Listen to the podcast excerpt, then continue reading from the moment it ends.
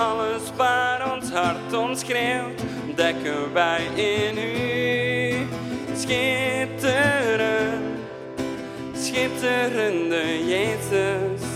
Alles waar ons hart ons schreeuwt, dekken wij in u.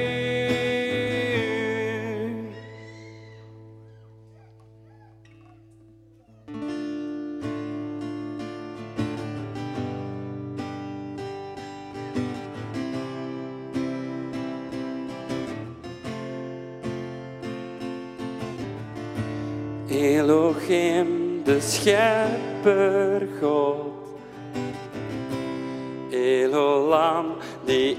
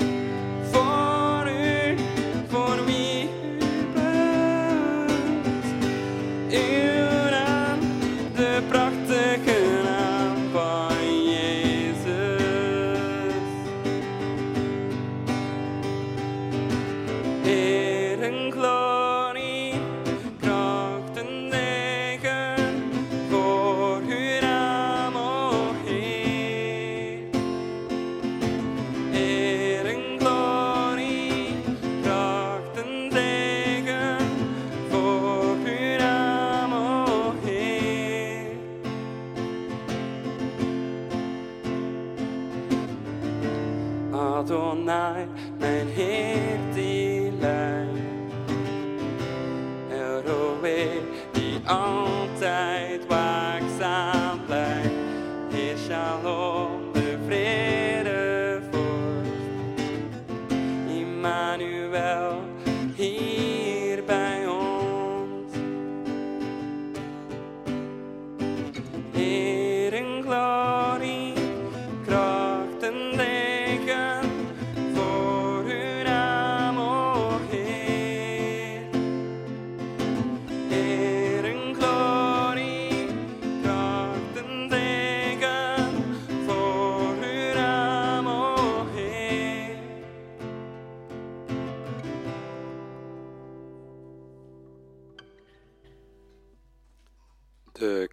mogen naar de zondagklas. Stefan? Stefan?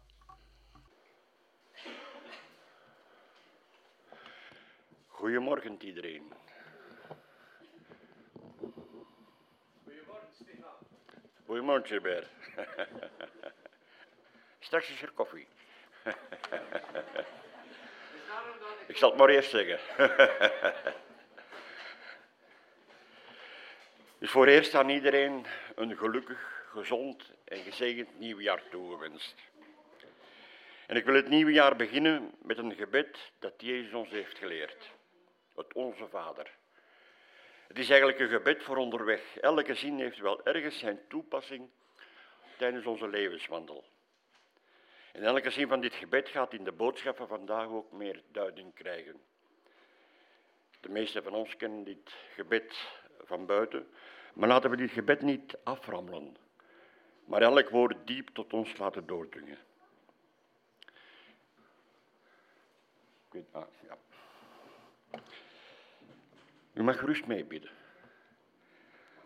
Onze Vader, die in de hemelen zijt, uw naam worden geheiligd, uw koninkrijk komen, uw wil geschieden, zoals in de hemel, zo ook op de aarde. Geef ons heden ons dagelijks brood en vergeef ons onze schulden, zoals ook wij onze schuldenaren vergeven. En leid ons niet in verzoeking, maar verlos ons van de boze. Want van u is het koninkrijk en de kracht en de heerlijkheid tot in eeuwigheid. Amen. Vandaag zijn we de eerste dag van het nieuwe jaar. En voor veel mensen is dat het moment om eens terug te denken aan wat het voorbije jaar ons heeft gebracht. Hoe is die bladzijde ingevuld? Wat staat er allemaal in geschreven? Momenten van blijdschap, afgewisseld met momenten van verdriet. Staat de naam van God in die bladzijde verweven? Heb ik aandacht besteed aan wat God wilde of dat ik moest doen, of ging het vooral om wat ik zelf wilde? Want de kortzichtigheid van onze samenleving heeft ondanks corona nog altijd de illusie dat we het leven zelf kunnen maken. Was de levensreis die ik het afgelopen jaar heb afgelegd de moeite waard of was het een weg die mij op dwaalwegen deed gaan? Hoe dan ook, gedane zaken nemen geen keer. Die bladzijde is nu omgedraaid en we staan nu voor een volkomen onbeschreven blad van 2023. We beginnen, we beginnen aan een nieuwe reis doorheen de tijd.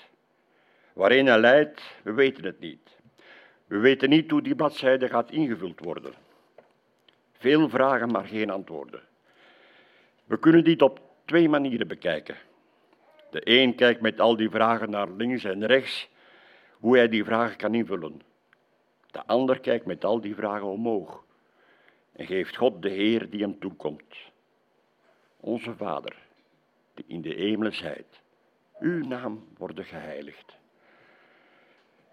We lezen in Psalm 4, vers 7. Velen zeggen, wie zal ons het goede doen zien? Verhef gij over ons het licht uw aanschijns, o Heere. Sommigen hebben al plannen gemaakt voor het nieuwe jaar, of zelfs een zorgvuldig doordacht meerjarenplan waar men van alles tot stand wil brengen. Voor dit jaar hoopt u misschien op het werk op een zuurverdiende promotie. Misschien bent u van plan om een huis te bouwen, volkomen naar uw wens ingericht. Of wil u dit jaar misschien een mooie reis maken? Misschien bent u bezig om uw oude dag veilig te stellen en bent u uw spaarboek aan het vullen, om later niets tekort te hebben, zodat u kan genieten van een rustige, mooie oude dag, eentje zonder zorgen. Er is niet zo groot als plannenmaker. In de Bijbel lezen we ook zo'n verhaal van een man die allerlei grootse plannen maakte over zijn toekomst. En Jezus zegt daarover het volgende in Lucas 12. Het land van een rijk man had veel opgebracht. En hij overlegde bij zichzelf en zeide: Wat moet ik doen? Want ik heb geen ruimte om mijn vruchten te bergen. En hij zeide: Dit zal ik doen. Ik zal mijn schuren afbreken en grotere bouwen, en ik zal daarin al het koren en al mijn goederen bergen. En ik zal tot mijn ziel zeggen: Ziel, gij hebt vele goederen liggen, opgetast voor vele jaren. Houd rust, eet, drink en wees vrolijk. Maar God zeide tot hem: Gij dwaas, in deze nacht wordt uw ziel van nu op. En wat gij gereed gemaakt hebt, voor wie zal het zijn? Zo vergaat het hem die voor zichzelf schatten verzamelt en niet rijk is in God. De man komt te overlijden. Hij krijgt niet eens de tijd om te genieten van zijn wel doordacht pensioen. Hij heeft hier jaren voor geploederd en gezweet tegen de tijd dat hij kan gaan, kan gaan genieten van alles dat hij bij elkaar heeft gespaard, sterft hij. Arme kerel. Maar dat was niet wat Jezus zei. Jezus zei, gij dwaas. In spreuken lezen we, spreuken 23. Top jezelf niet af om rijk te worden. Zet dat plan opzij. Als God ons met rijkdom zegent, is het altijd om zelf ook weer tot zegen te zijn voor anderen. Er is niets verkeerd aan plannen maken. Maar nergens in dit verhaal van de rijke dwaas lezen we dat hij zijn voornemens, zijn plannen ook voorlegde bij God. Hij heeft er geen behoefte aan om in, om in gebed te vragen of God hem wijsheid wil geven om wat hij moet doen. Nee, hij regelt het zelf wel. Je hoort hem steeds zeggen, ik zal dit doen, ik zal dat doen. Hij heeft het over mijn gewas, mijn schuren, mijn goederen. Hij verzamelt schatten voor zichzelf. En de rijke dwaas heeft maar één doel en dat is zijn eigen toekomst veiligstellen. Om dan later van de opbrengsten rijkelijk te kunnen rentenieren. Hij zegt tegen zijn ziel, houd rust, eet, drink en wees vrolijk. Dat is zijn enigste bekommernis. En dezelfde nacht wordt zijn ziel, zijn leven hem ontnomen. Van zijn plannen is niets, niets terechtgekomen. En daarom noemt Jezus hem dwaas. Het is niet verkeerd om erover na te denken hoe je het blad van 2023 gaat invullen. Het is wel verkeerd om te denken dat je in eigen hand hebt. En het is verkeerd om God er niet bij te betrekken. In Spreuken 19 lezen we, een mens maakt allerlei plannen. Wat, wat wordt uitgevoerd, is het plan van de Heer. Misschien vinden we in dit verhaal wel iets van onszelf terug. Misschien zijn er erkenningspunten. Mijn spullen, mijn auto, mijn gezin, mijn carrière, mijn bankrekening, mijn huis enzovoort. Geen van deze dingen hebben eeuwigheidswaarde. Het zijn dingen van de wereld die ons meer zorgen opleveren, of opleveren dan goed voor ons is. Nochtans lezen we in Matthäus 6. Maak u dan niet bezorgd, zeggende, wat zullen wij eten? Of wat zullen wij drinken? Of waarmee zullen wij ons kleden? Want naar al deze dingen gaat het zoeken der ijdenen uit. Want uw hemelse Vader weet dat gij niet alles behoeft. Maar zoek eerst zijn koninkrijk en zijn gerechtigheid. En dit alles zal u bovendien geschonken worden. Maak u dan niet bezorgd tegen de dag van morgen, want de dag van morgen zal zijn eigen zorgen hebben. Elke dag heeft genoeg aan zijn eigen kwaad.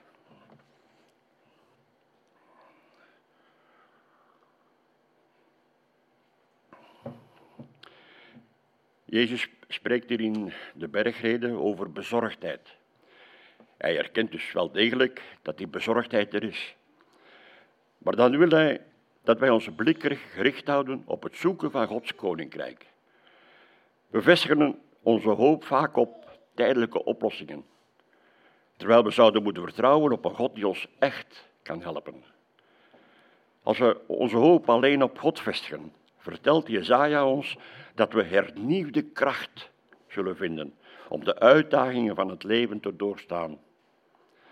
We zullen zijn als vogels die in de, in de lucht zweven, niet op onze eigen kracht, maar op de kracht die God ons geeft. En daarom worden wij opgeroepen om niet bezorgd te zijn voor de dag van morgen.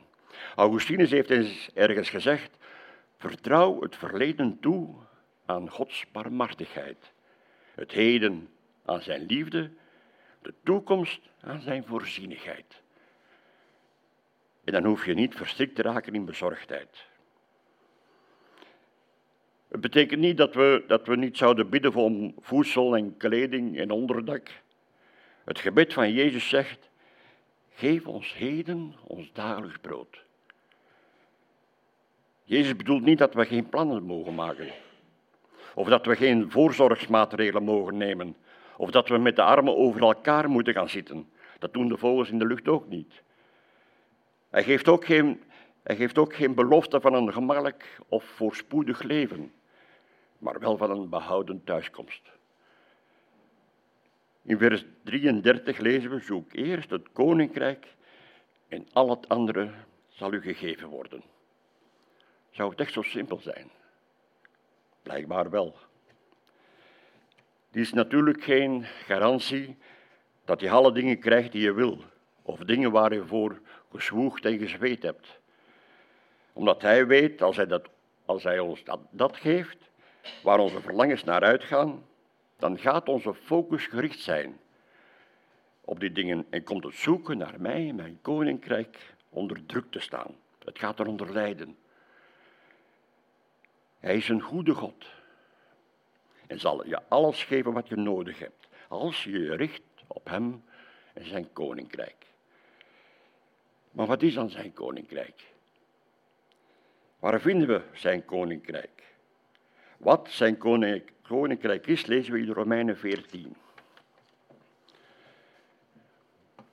Want het koninkrijk Gods bestaat niet in eten en drinken, maar in rechtvaardigheid, vrede en blijdschap door de Heilige Geest.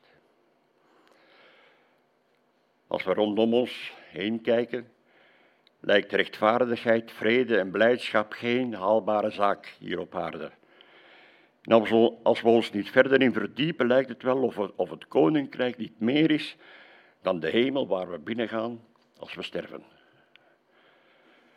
Maar waarom zou Jezus ons dan een zoektocht laten beginnen naar iets wat hier niet te vinden is? Hij geeft meerdere gelijkenissen over Gods koninkrijk. Of zoals het ook genoemd wordt, het koninkrijk der hemelen. Wat wel opvalt in veel van zijn gelijkenissen, is dat deze voornamelijk te maken hebben met gerechtigheid, rechtvaardigheid. Het gaat dus over onze houding, onze ingesteldheid, over de integriteit van ons hart. Tegenover God en tegenover onze medemens. De grootste doelstelling van, van het koninkrijk van God zijn de veranderingen in onze levenshouding, de vernieuwing van ons denken en de groei van de innerlijke geestelijke mens door de Heilige Geest die ons inzicht geeft. Vrede en blijdschap in het hart zijn daar een logisch gevolg van. De eerste, vrij, de eerste vereiste is dus dat je alleen in het koninkrijk kan komen door onze geestelijke wedergeboorte door koning Jezus te aanvaarden en hem uit liefde te gehoorzamen. Uw koninkrijk komen, uw wil geschieden, zoals in de hemel, zo ook op de aarde. Als we bidden uw koninkrijk komen, vragen we niet alleen Gods eerschappij in ons leven, maar ook de vervulling van onze roeping, omdat God al een voorbestemd plan voor ons leven heeft. Door te zeggen uw koninkrijk komen, geef je aan dat je al beslist hebt om volgens Gods principes te leven en God te eren met alles wat je doet.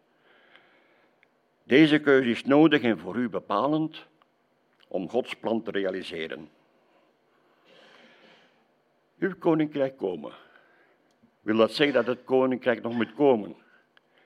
Of kunnen we daar misschien al een, een glimp van opvangen?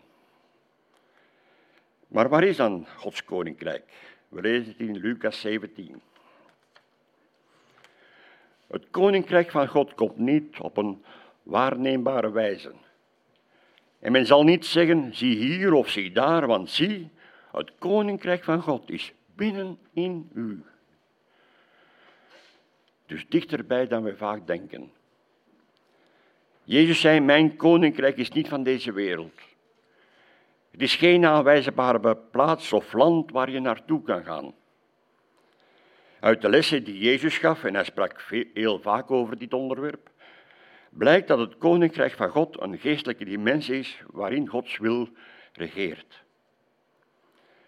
Maar het is ook geen zaak van, van dagelijkse behoeften, zoals eten en drinken. Het is ook geen theorie of theologie, Want in 1 Corinthians 4 lezen we dat het koninkrijk van God niet bestaat uit woorden, maar uit kracht. Waar is dan dat koninkrijk? Daarin zijn de meningen verdeeld. er zijn er die zeggen dat Israël het koninkrijk is. Anderen beweren dat de kerk, dat de kerk een uiting is van, van zijn koninkrijk. Weer anderen zeggen dat het koninkrijk toekomstmuziek is. En de mening waar ik mij bij aansluit is dat het koninkrijk hier is, onder ons, in ons, zoals we daar straks gelezen hebben. Het is binnenin u. Dus niet visueel waarneembaar, maar in het geestelijke. Ik zou het koninkrijk durven vergelijken met de zonsopgang. Nog voordat de zon zichtbaar is, wordt de horizon verlicht door de eerste lichtstralen, die langzaam maar zeker de duisternis en de kilte van de nacht verdwijnen, verdrijven. Dat is het punt waar we ons nu bevinden. We zien de lichtstralen, we staan in de lichtstralen, we staan in Gods koninkrijk. De zon zelf zien we nog niet, maar we verwachten zijn opgang. We verlangen naar de volheid van licht en warmte die de zon verspreidt. En pas als de zon op haar hoogtepunt is, zullen we haar kunnen bewonderen in al zijn pracht en praal. Pas als Jezus terugkomt, zal zijn koninkrijk voor ons zichtbaar worden in al zijn heerlijkheid. Gods koninkrijk in ons staat onder Jezus' heerschappij. En Jezus zegt vandaag tegen ons, zoek mijn heerschappij in alle dingen die u hebt opgenomen in uw planning voor het nieuwe jaar.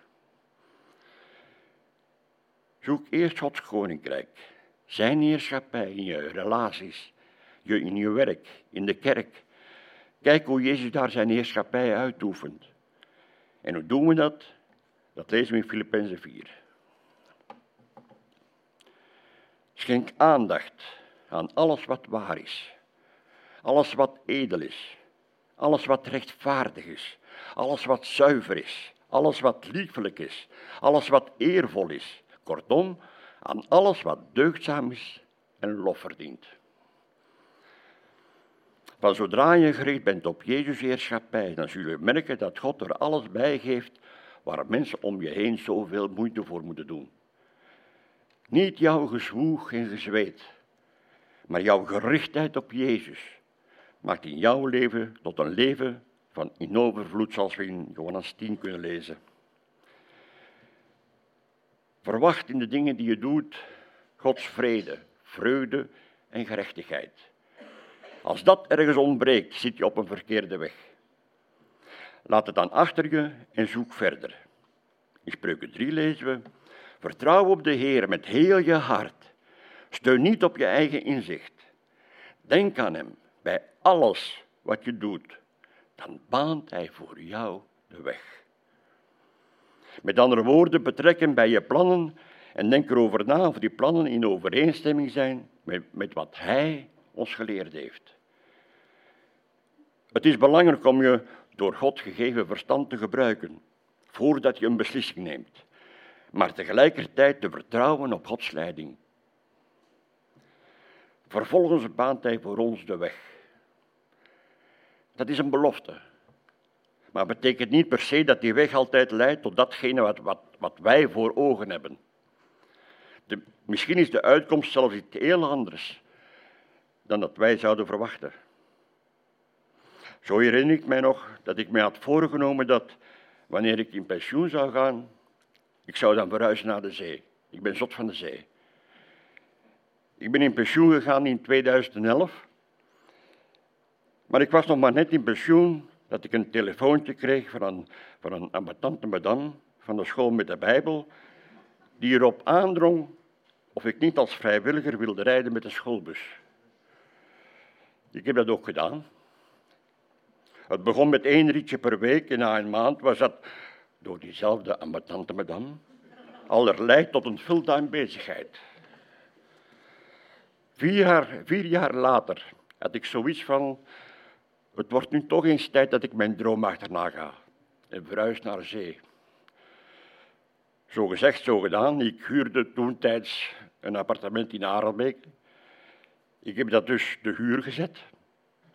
En ik had in de kuststreek, in de kuststreek een heel mooi huisje op het oog. Dezelfde prijs als in Arelbeek, dus er was niets wat mij tegenhield. Maar dan sloeg de twijfel toe.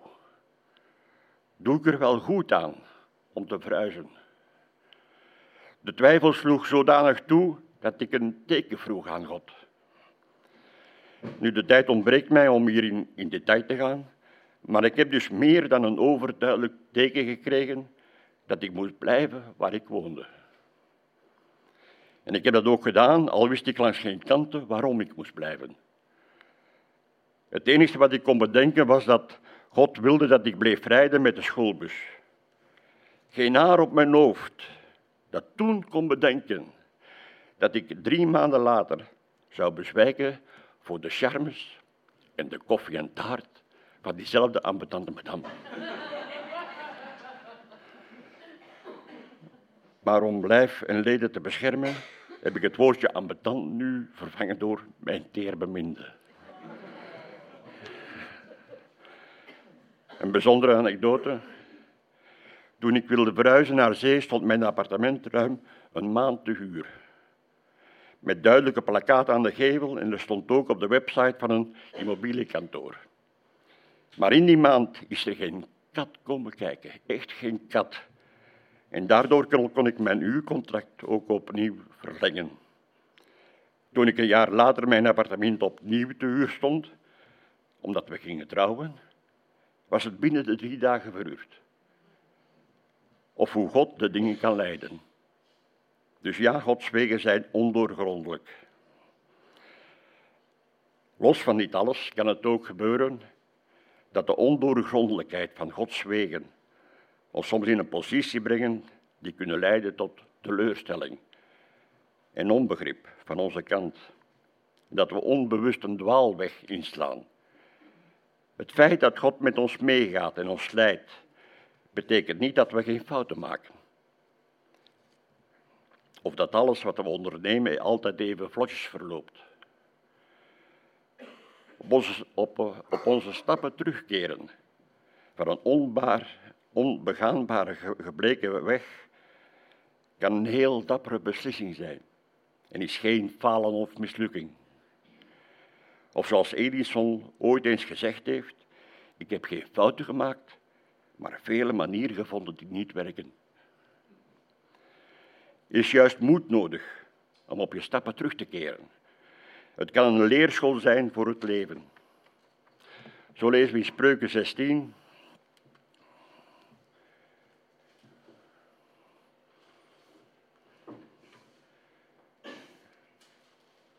Ja, die werkt niet meer.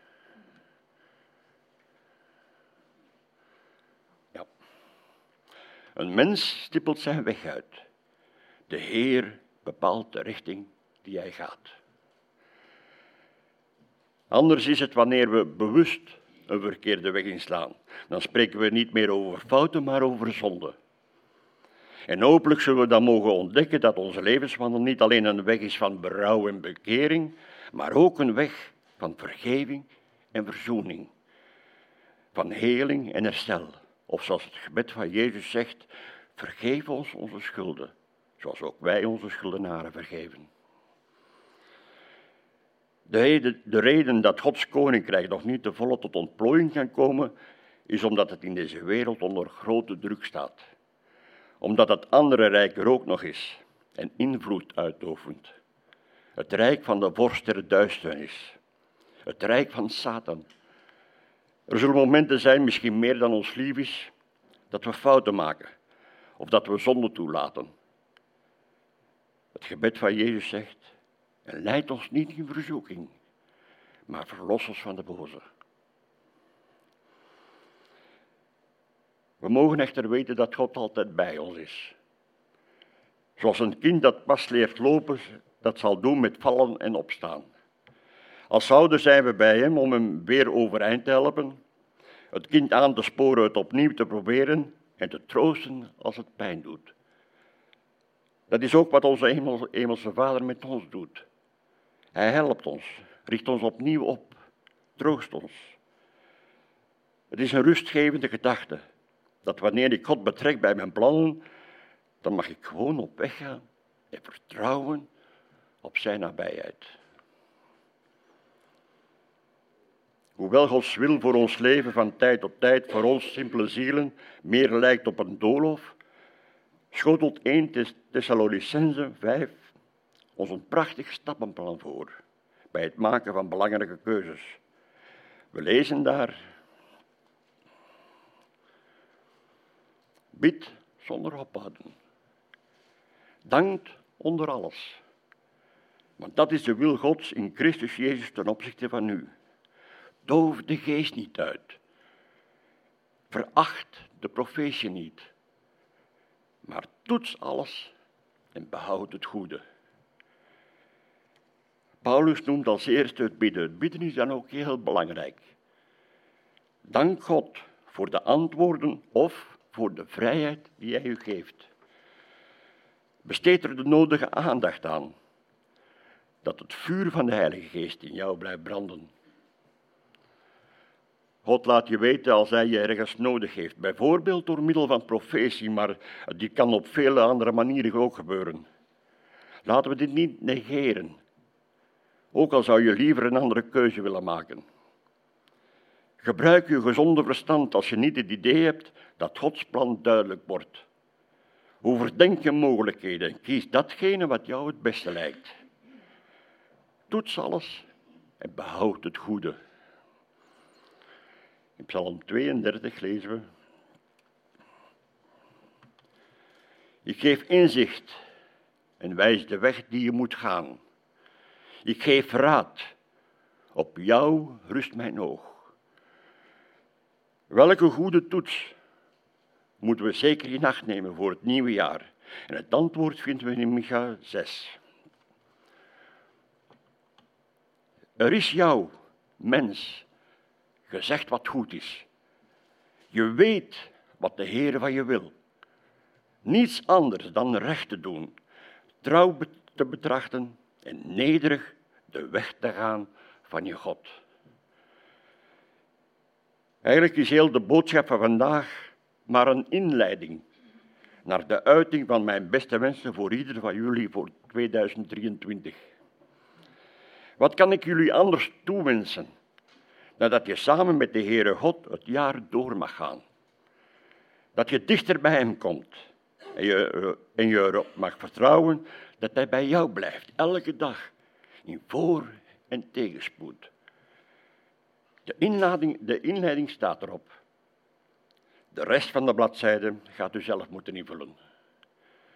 Dat u en ik in deze wereld meer en meer getuigen mogen zijn als ambassadeurs van Gods koninkrijk. Want van u is het koninkrijk en de kracht en de heerlijkheid tot in eeuwigheid. Amen.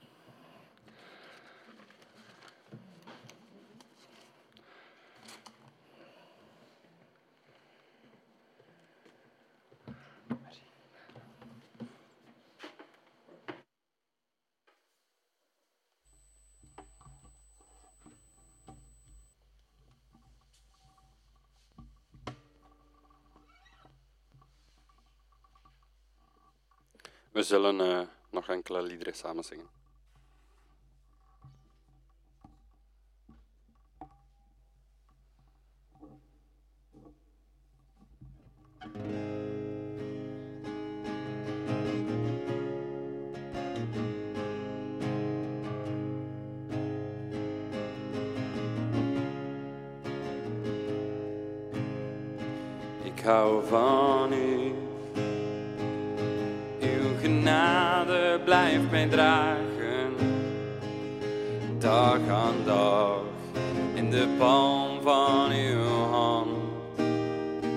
Van de morgen tot de avond. Als ik weer slapen ga, zing ik steeds van de goedheid van God. Al heel mijn leven bent u trouw. Al heel mijn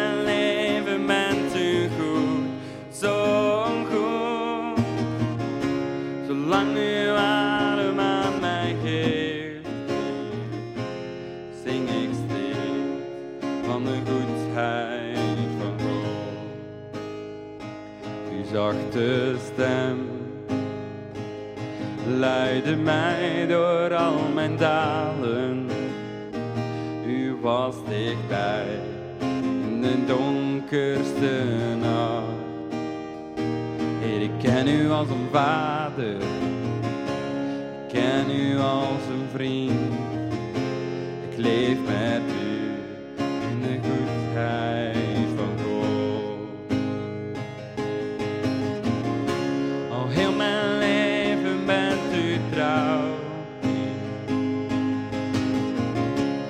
heel mijn leven bent u goed, zo goed. Zolang u adem aan mij geeft, zing ik steeds van de goedheid van God. Uw goedheid is altijd bij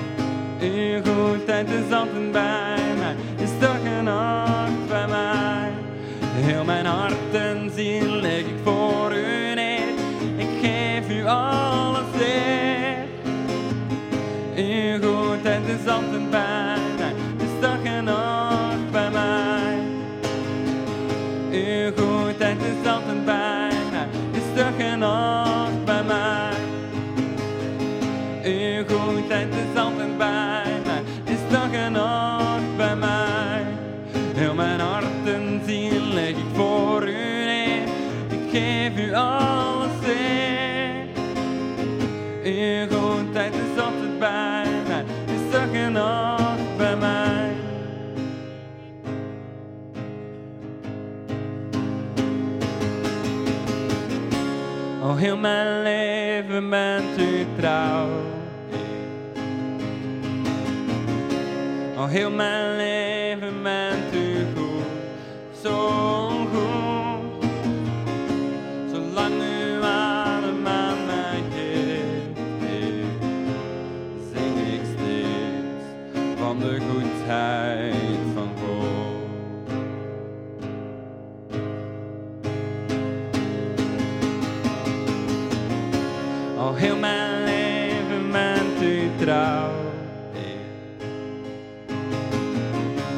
Al heel mijn leven bent u goed, zo goed.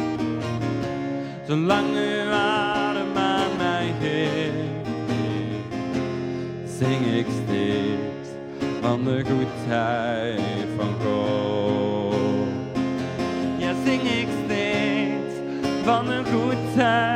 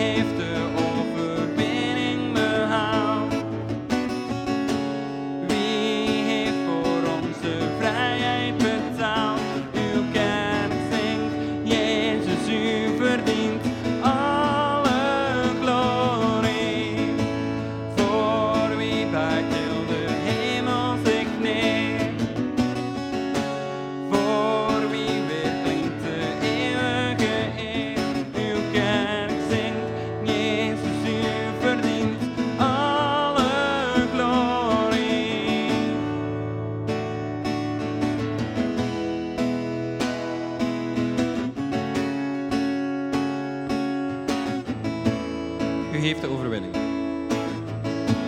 U heeft de overwinning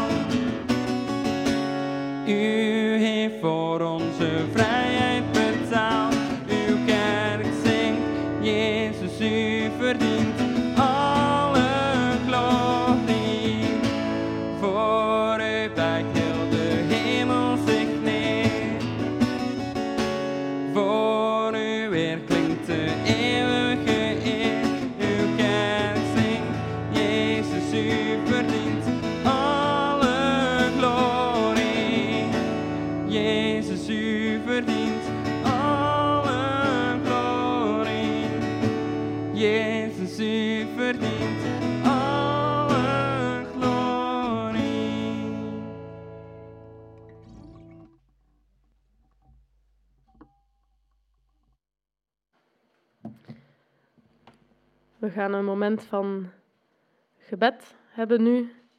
Dankbaarheid voor de dingen uit 2022. Een zegen voor het komende jaar. Gebed voor het komende jaar. Misschien kunt u ook bidden voor de mensen die rond u zitten. Laten we gewoon samen bidden. Dit mag in stilte, mag luidop. Voel u vrij.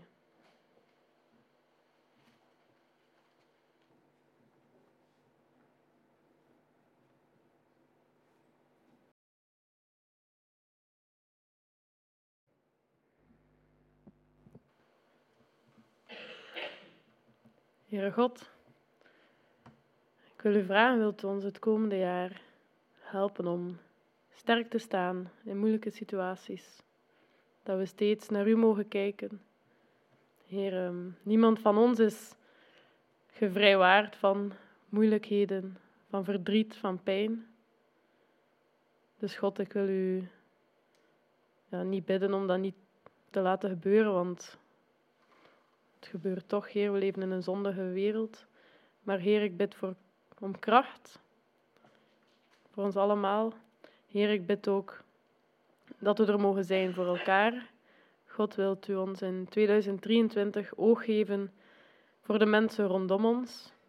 Voor zij bij wie het heel duidelijk is dat het moeilijk gaat, maar vooral voor zij bij wie we het misschien niet zien, dat u ons dat inzicht geeft. Heer, wilt ons ook helpen om dankbaar te zijn, om u te blijven aanbidden, Heer, om te blijven onthouden dat al het goede van u komt. En dat we ja, het jaar door u mogen blijven grootmaken. Amen. Ik wil jullie uitnodigen, als je daar fysiek toe in staat bent, om recht te staan. En als je je daar gemakkelijk bij voelt, de handen op de schouders van de mensen rond u te leggen. Dus sta maar recht. We gaan um, De Heere zegent jou zingen. Dus laten we elkaar zegenen voor het nieuwe jaar. Als je dat ongemakkelijk vindt dat iemand aan u komt, dan moet je dat gewoon zeggen. Niemand is verplicht om zich ongemakkelijk te voelen. We gaan nog een laatste lied samen zingen. Het nieuwe lied van de maand. Jullie mogen gerust blijven rechtstaan.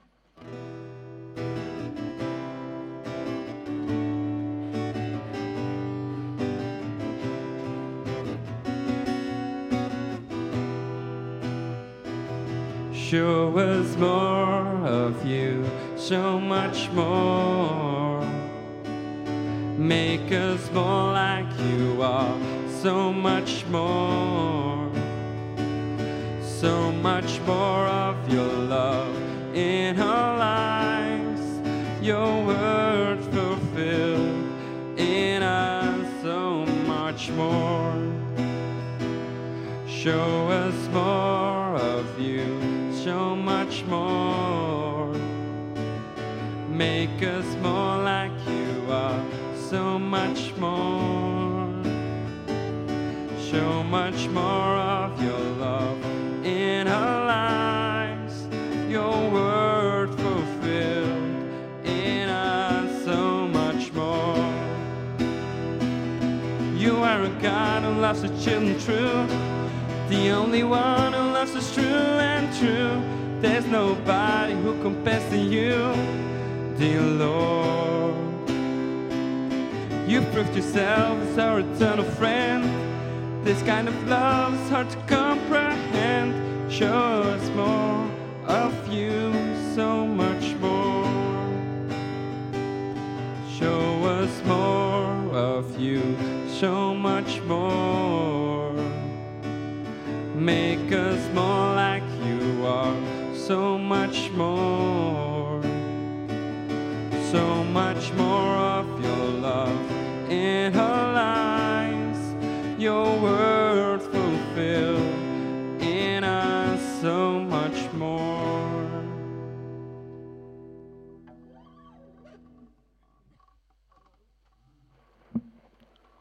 Ja, voor zij die. Jullie mogen gerust gaan zitten. Um, ik zal het Engels even vertalen van het refrein. Niet iedereen kan even goed Engels. Dus we zingen eigenlijk: Toon ons meer van u, zoveel meer. Maak ons meer zoals u bent, zoveel meer. En dat er veel meer, nog meer van Gods liefde in ons leven mag zijn. Dat Zijn woord door ons heen vervuld, uit mag komen. Um, is een prachtig lied, denk ik, voor deze maand, om een nieuw jaar mee te starten. Dat we meer vervuld mogen zijn van Hem, van Zijn liefde. Dat we dat ook mogen laten uitschijnen. De mededelingen, voordat ik helemaal afsluit. Um, Stefan heeft mij gevraagd om gebed te vragen voor Erna. Misschien weet niet iedereen wie Erna is, maar het gaat niet goed met haar. Um, wacht hoor, ik zal het bericht zoeken dat ik het juist kan zeggen.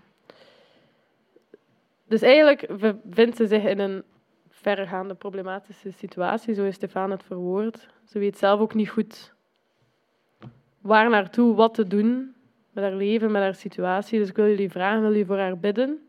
Je hoeft iemand niet persoonlijk te kennen om ervoor te kunnen bidden. Je hoeft de, alle problemen niet per se te weten om te kunnen bidden. God weet het wel. Dus breng haar voor Gods troon. Lieve ligt ook opnieuw in het ziekenhuis. Jan ging kort nog iets komen zeggen daarover.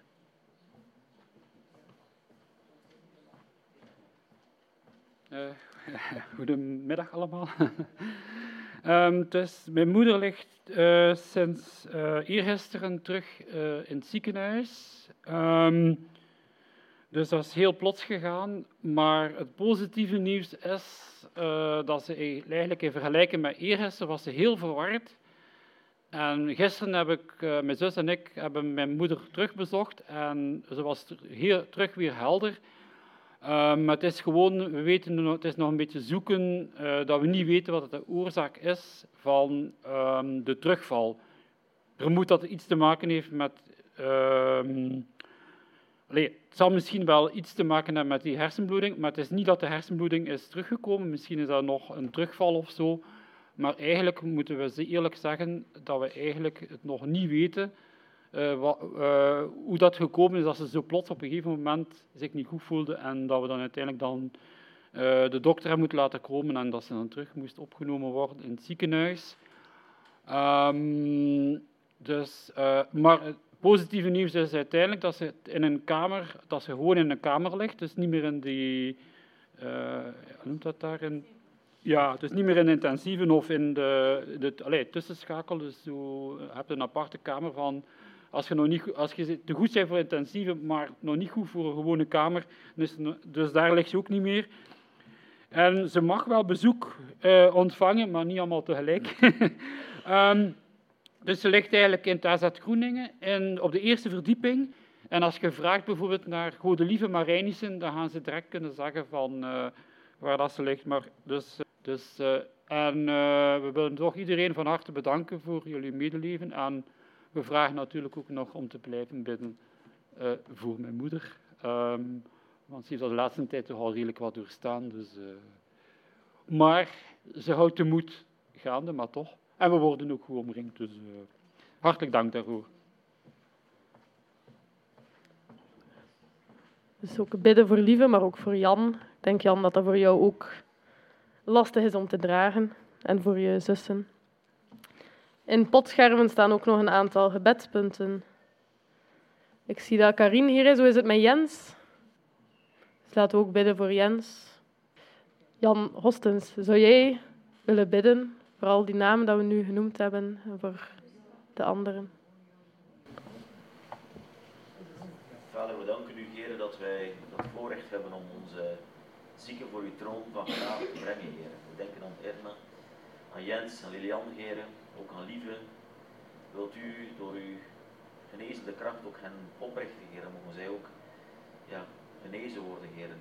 Wilt u ook de familie sterken, de broers en de zussen, de ouders, heren. Heren, mogen wij ook niet nalaten om voor hen te bidden.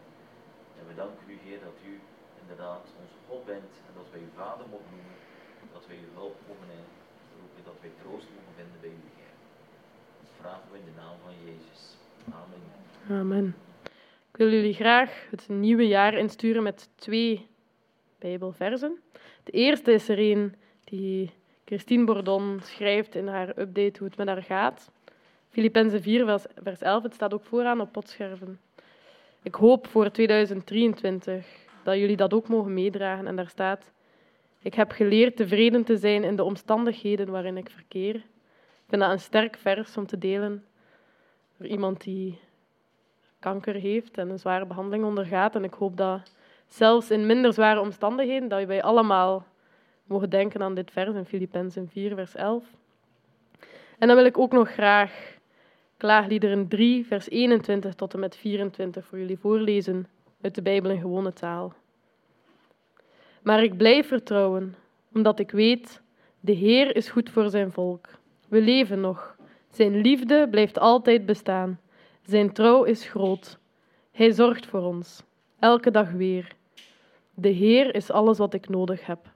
Op Hem vertrouw ik. En dat wens ik jullie ook toe voor 2023. Een gezegende dag, een gezegende week en een gezegend jaar. En de koffie staat klaar.